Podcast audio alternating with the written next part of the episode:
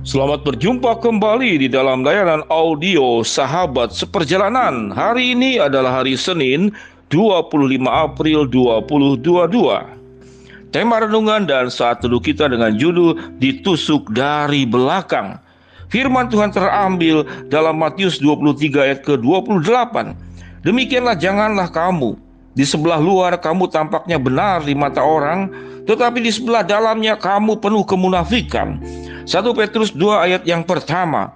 Karena itu buanglah segala kejahatan, segala tipu muslihat dan segala macam kemunafikan, kedengkian dan fitnah. Mari kita berdoa. Bapa yang di dalam sorga, di dalam kehidupan kami, tatkala kami berrelasi dengan orang-orang di sekitar kami, siapa pun dia, dia bisa keluarga, dia bisa orang terdekat, dan bisa teman kerja, teman bisnis, dan segala sesuatunya. Biarlah kami ya Tuhan bisa kemudian membedakan manakah orang dengan niat yang baik dan manakah orang dengan niat yang buruk. Di dalam nama Tuhan Yesus kami berdoa. Amin.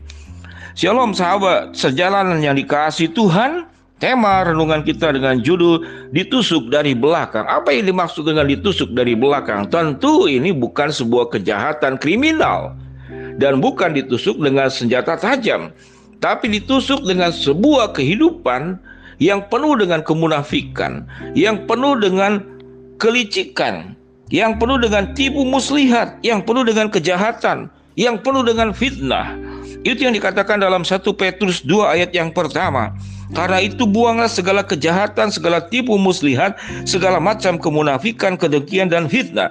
Kita tidak melakukannya, justru Orang-orang yang tidak melakukan, orang-orang yang lurus jalan hidupnya, orang-orang yang benar jalan hidupnya, biasanya menjadi mangsa empuk untuk orang-orang yang penuh dengan kemunafikan, yang penuh dengan niat licik, yang penuh dengan tipu muslihat, menghancurkan kehidupanmu. Siapa dia? Ada banyak peristiwa bagaimana misalkan sebuah bisnis keluarga, bisnis keluarga yang terjadi ada orang yang bersungguh-sungguh, ada orang yang kemudian berjuang mati-matian. Namun yang terjadi kamu dimanfaatkan, kamu ditipu justru oleh orang terdekat. Kamu dijanjikan sesuatu, sudah ada perjanjian di atas kertas hitam di atas putih. Namun yang terjadi engkau dihianati. Bahkan ada anak yang dibesarkan oleh ibunya dari kandungan dengan cinta kasihnya ini kejadian nyata sewaktu saya pergi ke satu kota di Jawa Tengah. Ibu ini menangis sejadi-jadinya mengapa? Karena anak yang dibesarkan ini yang sudah dicintai dan sebagian harta warisannya itu bahkan hampir semuanya diserahkan kepada anak ini karena dia adalah anak satu-satunya, anak laki-laki satu-satunya. Yang terjadi setelah dia menikah dengan satu wanita yang ibunya dari awal pun juga sudah mengatakan tidak setuju dengan calon istrinya ini. Namun kemudian tetap menikah. Dan ternyata barulah ketahuan sifat daripada istrinya sangat gila harta, sangat gila uang. Dan suaminya ini karena lemah atau bagaimana, akhirnya terperdaya oleh istri ini. Akhirnya seluruhnya diambil bahkan rumah satu-satunya. Yang ibu yang sudah tua ini yang menjadi miliknya dengan tipu daya sang istri ini bersekongkol dengan suaminya yang adalah anak satu-satunya dari ibu ini. Akhirnya harta daripada rumah ibunya ini juga diambil atas nama mereka berdua. Sahabat seperjalanan bagaimana perasaan seorang ibu di masa tuanya tatkala sudah renta sudah tua dia berharap justru anaknya lah yang bisa membalas budi dan mengasuh, merawat orang tuanya, membahagiakan orang tuanya.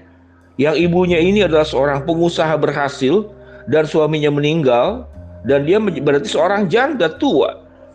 Dan itu sakit hati luar biasa. Bertemu dengan saya konseling, saya cuma bisa mendengarkan panjang lebar sekian jam tentang kesukahan jeritan hati daripada ibu ini. Sahabat seperjalanan yang dikasih Tuhan, kita tidak boleh berbuat licik, kita tidak boleh berbuat kejahatan, kita tidak boleh berbuat kecurangan, kita tidak boleh melakukan tipu muslihat, kita tidak boleh melakukan fitnah. Namun di sekeliling kita ada orang-orang seperti demikian. Mengapa? Karena iblis itu bekerja merusakkan banyak hal dalam tatanan hidup masyarakat dan hidup rumah tangga, hidup dalam pekerjaan dan di dalam seluruh aspek kehidupan. Kita akan bertemu dengan orang-orang seperti demikian. Kalau sahabat perjalanan pernah mengalami dan ada beberapa sahabat perjalanan yang bercerita tentang pengalaman-pengalaman hidup yang seperti demikian. Dan itu menyakitkan, bahkan kalau boleh dikatakan rasa sakit itu dibawa mati. Bahkan setelah kematian kita pun, rasa sakit itu tetap hidup. Itu sebuah peribahasa hiperbol yang dilebih-lebihkan, tapi itu gambaran tentang rasa sakit yang luar biasa ditusuk dari belakang. Orang yang depan belakangnya itu berbeda. Lalu bagaimana sikap kita? Sangat memahami, saya sangat belajar merasakan pergumulan yang dialami sedemikian berat bagaimana melewatinya. Lalu kita menjadi penuh dengan kemarahan, mau melawan tidak bisa, mau membalikan keadaan tidak bisa, mau mengembalikan waktu ke masa lalu dan kemudian melakukan pilihan yang jangan salah juga tidak bisa. Biarlah apa yang terjadi terjadilah. Semua rasa pahit, semua rasa dilukai, semua rasa dikhianati, rasa ditusuk dari belakang, biarlah itu menjadi bagian dirimu bersama dengan Tuhan. Tidak perlu engkau mencari siapa pun juga. Tidak perlu engkau mencari siapa pun juga. Kalau Yesus dikhianati oleh Petrus, dikhianati oleh Yudas, Tuhannya itu dijual dengan 30 keping perak. Lalu apa yang kita alami?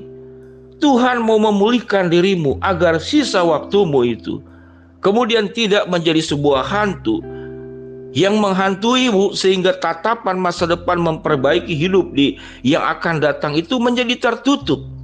Engkau menjadi berhenti, lututmu menjadi lemah, engkau tidak sanggup lagi berjalan, tidak punya lagi semangat, tidak lagi punya harapan, bahkan tidak lagi mempercayai Allah. Karena engkau berontak kepada Tuhan, Tuhan mengapa engkau berikan pengalaman ini kepadaku? Tuhan mengapa engkau berikan pengalaman ditusuk dari belakang oleh orang terdekatku, oleh keluargaku, bahkan oleh suamiku, oleh istriku, oleh mertuaku, atau oleh anakku, atau oleh atau oleh sahabat semasa kecilmu. Ratapan-ratapan itu hanya akan membuat engkau terpuruk dan kehidupanmu semakin buruk. Biarlah datang kepada Tuhan.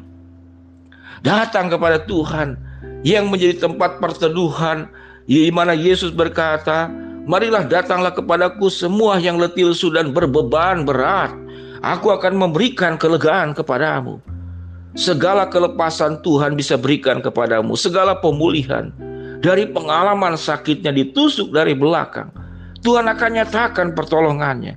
Tuhan akan nyatakan mujizat keajaiban, yaitu mengubah kehidupanmu untuk tidak terbelenggu dengan pengalaman-pengalaman pahit di masa lalu. Datanglah kepadanya, bersujudlah di hadapannya. Engkau akan dikuatkan, engkau akan diangkat kembali. Engkau akan diubahkan kehidupannya. Biarlah kubur dalam-dalam apa yang sudah terjadi karena tidak bisa dirubah. Dan kau bangkit bersama dengan dengan Tuhan. Engkau akan diangkat seperti burung Raja Wali yang terbang semakin tinggi. Sahabat seperjalanan, Tuhan memberkati agar engkau tetap kuat dari sebuah pengalaman buruk ditusuk dari belakang. Mari kita berdoa. Bapa yang di dalam surga hamba mau berdoa agar kami terus mengalami pemulihan Sekalipun ditusuk dari belakang, Tuhan akan menolong kami bangkit dari keadaan ini. Hamba mau berdoa buat yang sedang sakit, Tuhan jamah sembuhkan. Yang sedang dalam kesulitan masalah, Tuhan bukakan jalan. Yang sedang memohon berharap sesuatu, Tuhan akan kabulkan dengan cara dan waktumu. Dalam nama Tuhan Yesus kami berdoa. Amin. Shalom sahabat perjalanan, Tuhan memberkati kita semua. Amin.